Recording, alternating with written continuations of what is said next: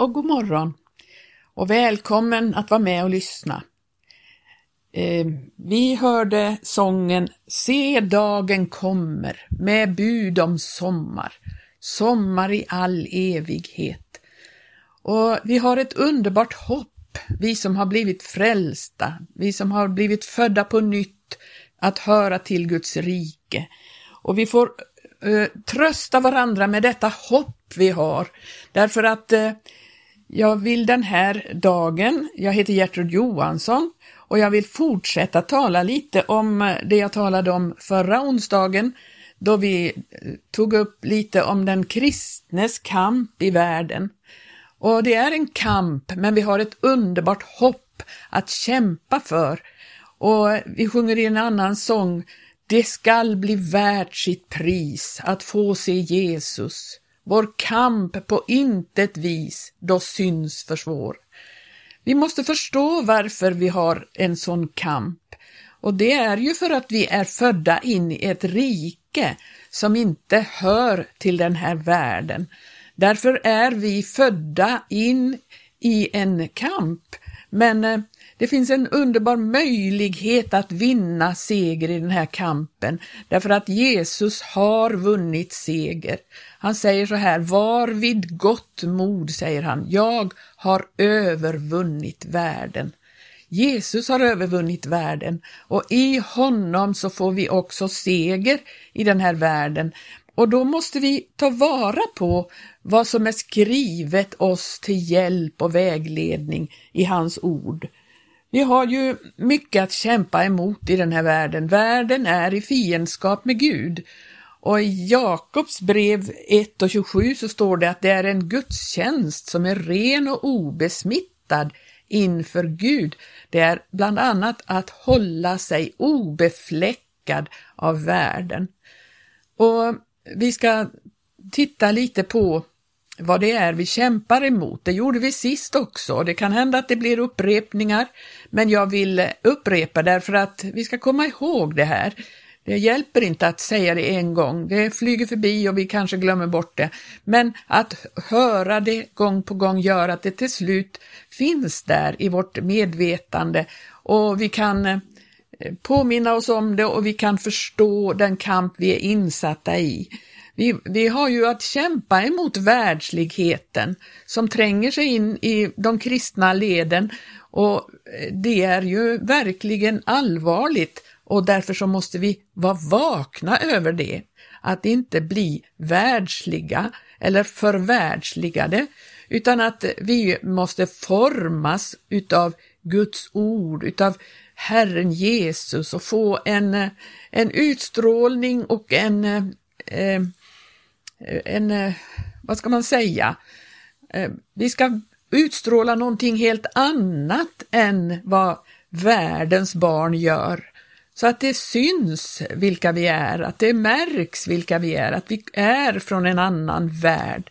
En Guds värld som är, utstrålar renhet och äkthet och sanning. Och det är, därför är det en väldig kamp, detta att hålla sig obefläckad av världen. Vi har också att kämpa emot den oerhörda sömnaktighet och ljumhet som råder i den här tiden. Det finns en sådan sömnaktighet i kristenheten och vi måste kämpa för att hålla oss vakna. Jesus säger ju det själv, vaka, det sa han till alla, står det. Vaka, och, så, och dessutom så måste vi kämpa emot ehm, eh, onykterheten som också finns väldigt mycket av i kristenheten, en andlig onykterhet, vilket gör att man blir osund. Och det måste vi kämpa emot. Det finns väldigt mycket att eh, lära i Guds ord om man studerar det, vad, vad det handlar om. Att vara andlig onykter, det är att ha orimliga eh, förväntningar på vad Gud har sagt och lovat i sitt ord. Han, eh, man blir väldigt upptagen med, med eh, olika ting som, som eh, i och för sig kan följa det står ju så att det är saker som följer den som tror.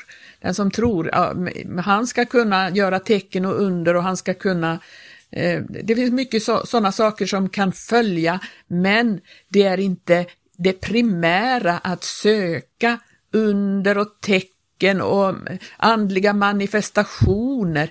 Nej, vad vi ska söka, det är att söka gemenskap med Herren Jesus själv så att vi blir förvandlade till hans avbilder. Det är någonting annat det än andlig onykterhet. Man bara, eh, där man bara vill befinna sig i ett slags andligt rus och tror att det är det som är så fantastiskt med Guds verk. Nej, det finns eh, mycket vi kan lära utav Guds ord. Och förra gången så tittade vi lite grann på den här församlingen i Thessalonika då, brevet till Thessalonikerna. Och där kan, kan vi se att eh, Paulus skriver till den här unga församlingen, det talade jag om sist också, och i första kapitlets eh, sjätte vers så står det att dessa människorna i Thessalonika, de tog emot ordet med glädje i helig ande. Och det är väldigt viktigt att man ser det. De tog emot ordet, det är väldigt viktigt att göra det, men också i den helige ande. Därför att vi behöver ordet och vi behöver anden för att komma rätt. Vi måste ha både och. Och det blev ett sånt verk i dem så att det blev ett genljud, ett eko utav det som hände ibland dem. Hur de vände sig bort ifrån avgudarna och vände sig till Gud. Och de också fick då komma till att vänta hans son från himmelen. Och det är precis så det är för oss. Vi har kommit till detta, till att vänta hans son ifrån himmelen. Det är det som är vårt hopp, det är det vi har som en oerhörd längtan till att få vara med om och uppleva.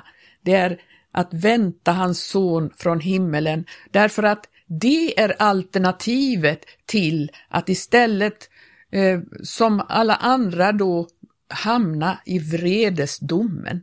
För det står ju det i sista versen där i första kapitlet, första brevet till Thessalonikerna, till att vänta hans son från himmelen, honom som han har uppväckt från de döda, Jesus, som frälsar oss undan den kommande vredesdomen.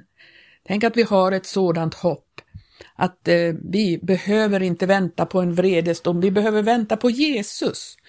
Och, eh, men vi kan se att de här människorna i Thessaloniki, de var mycket ivriga och de hade en tendens att kanske komma, komma eh, lite ur fattningen.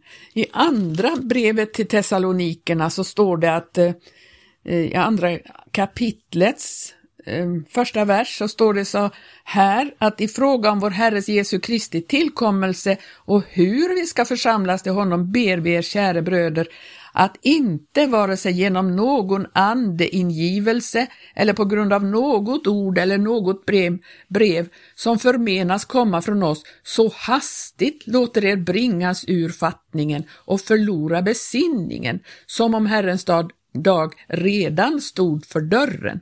Han skrev till dem att nu får ni inte, nu får ni inte bli så eh, eh, vad ska man säga, onytt i detta, att ni helt bringas ur fattningen. Nej, det finns saker som måste ske och det ser vi då i andra kapitlets eh, fortsättning där. Och jag tror att vi ska läsa de här verserna från eh, vers 3 och framåt en bit. Låt ingen bedra er på vad sätt det vara må, ty först måste avfallet ha skett och laglöshetens människa, fördärvets man, hava trätt fram. Vedersakaren som upphäver sig över allt vad Gud heter och allt som kallas heligt, så att han tager sitt säte i Guds tempel och föreger sig vara Gud. Kom Kommer ni icke ihåg att jag sa er detta medan jag ännu var hos er? Och ni vet vad det är som nu håller honom tillbaka så att han först när hans tid är inne kan träda fram. Redan är ju laglöshetens hemlighet verksam. Allenast måste den som ännu håller tillbaka först skaffas ur vägen. Sedan skall den laglöse träda fram och honom ska då Herren Jesus döda med sin muns anda och till intet göra genom sin tillkommelses uppenbarelse. Honom som efter Satans tillskyndelse kommer med lögnens alla kraftgärningar och tecken och under och med orättfärdighetens alla bedrägliga konster för att bedra dem som går förlorade till straff därför att de inte gav kärleken till sanningen rum så att de kunde bli frälsta. Därför sänder också Gud över dem villfarelsens makt så att de sätter tro till lögnen, för att de ska bli dömda, alla dessa som inte har satt tro till sanningen utan funnit behag i orättfärdigheten. Ja, det här låter fruktansvärt, men eh, detta är vad människor kan hamna i om man är är mera angelägen om att söka efter tecken och under och, och eh, märkligheter som kan hända, bedrägliga konster står det. Och då eh, blir människor offer för det här och låter sig bedragas. Det står ju att eh, vedersakaren som upphäver sig över allt vad Gud heter, det, naturligtvis så handlar det om att Antikrist ska träda fram, laglöshetens människa, fördärvets man. Och detta, det som håller honom tillbaka, det är ju så länge det finns ett sanningens ljus här i tiden. Ett sanningens ljus som kan avslöja vad detta är frågan om. Så det handlar om att när hans tid är inne, då kan han träda fram. När det är, något håller honom tillbaka. Och det är ju så länge det finns fortfarande en levande Guds församling som kan bringa ljus och den helige Ande är verksam i dessa människor. Men eh, då, då kan man ju undra, hur ska jag kunna eh, vinna seger i det här? Jag är ju bara en väldigt liten människa och man kan ju tänka att eh, det går inte, hur ska jag klara detta? Men eh, då står det i fortsättningen där i kapitlet, men vi för vår del är pliktiga att alltid tacka Gud för er, käre bröder, ni Herrens älskade, därför att Gud från begynnelsen har utvalt er till frälsning i helgelse i anden och i tro på sanningen. Härtill har han och genom vårt evangelium kallat er för att ni ska bli delaktiga av vår Herres Jesu Kristi härlighet. Stå alltså fasta, käre bröder, och håll er vid de lärdomar som ni har mottagit av oss, vare sig muntligen eller genom brev. Och vår Herre Jesus Kristus själv och Gud vår Fader som har älskat oss och i nåd berett oss en evig hungnad och givit oss ett gott hopp, han hungne era hjärtan och styrke eder till allt vad gott är, både i gärning och i ord. Det är ju så här att eh, vi behöver, som det står i, i dessa verser, i dessa, eh, dessa kapitel om till den här församlingen. Så till exempel i första brevets femte kapitel så står det ju bed, nej, eh, femte kapitel och sjuttonde vers så står det bed oavlåtligen eller i nyare översättning bed oavbrutet. Vi behöver ha denna nära och eh, intima gemenskap med Jesus själv i bönen så att inte vi hamnar i den här situationen som dessa som blev bedragna.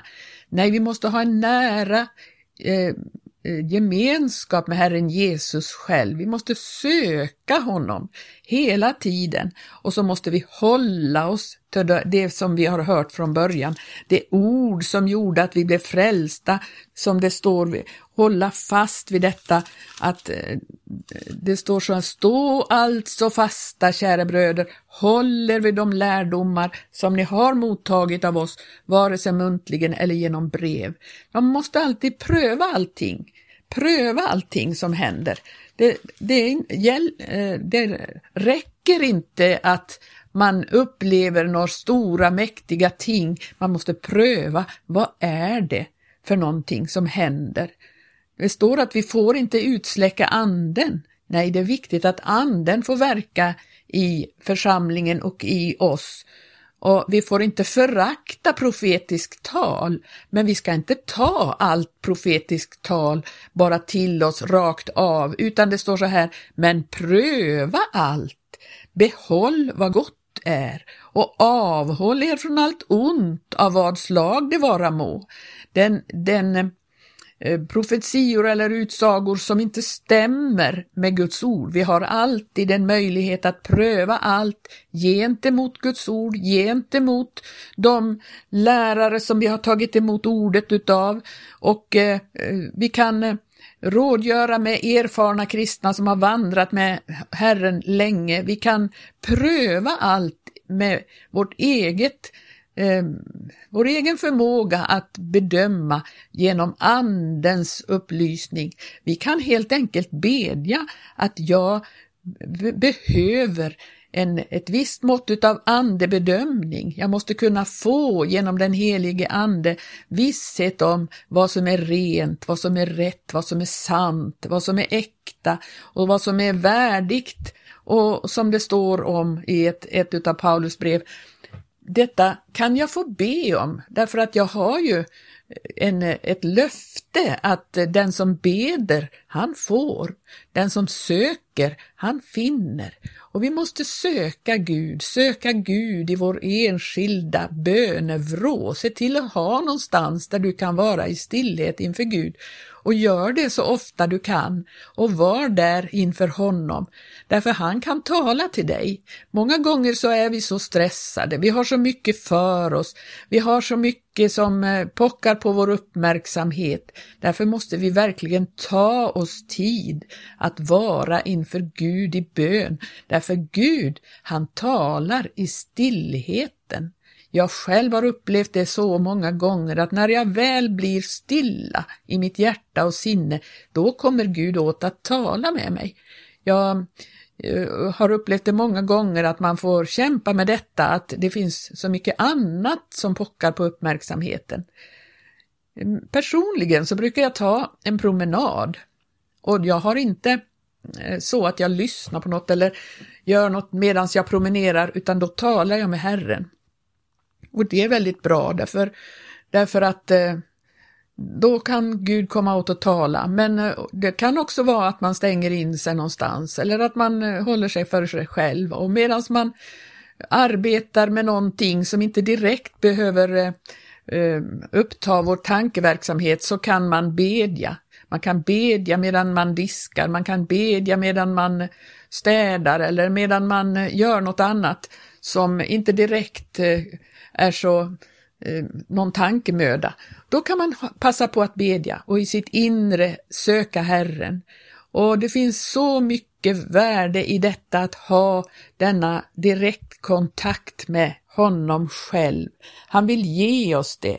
Han talar i stillhet och vi får verkligen förstå värdet i detta att ta emot av hans helige ande, därför han har gåvor att ge till oss som vi behöver.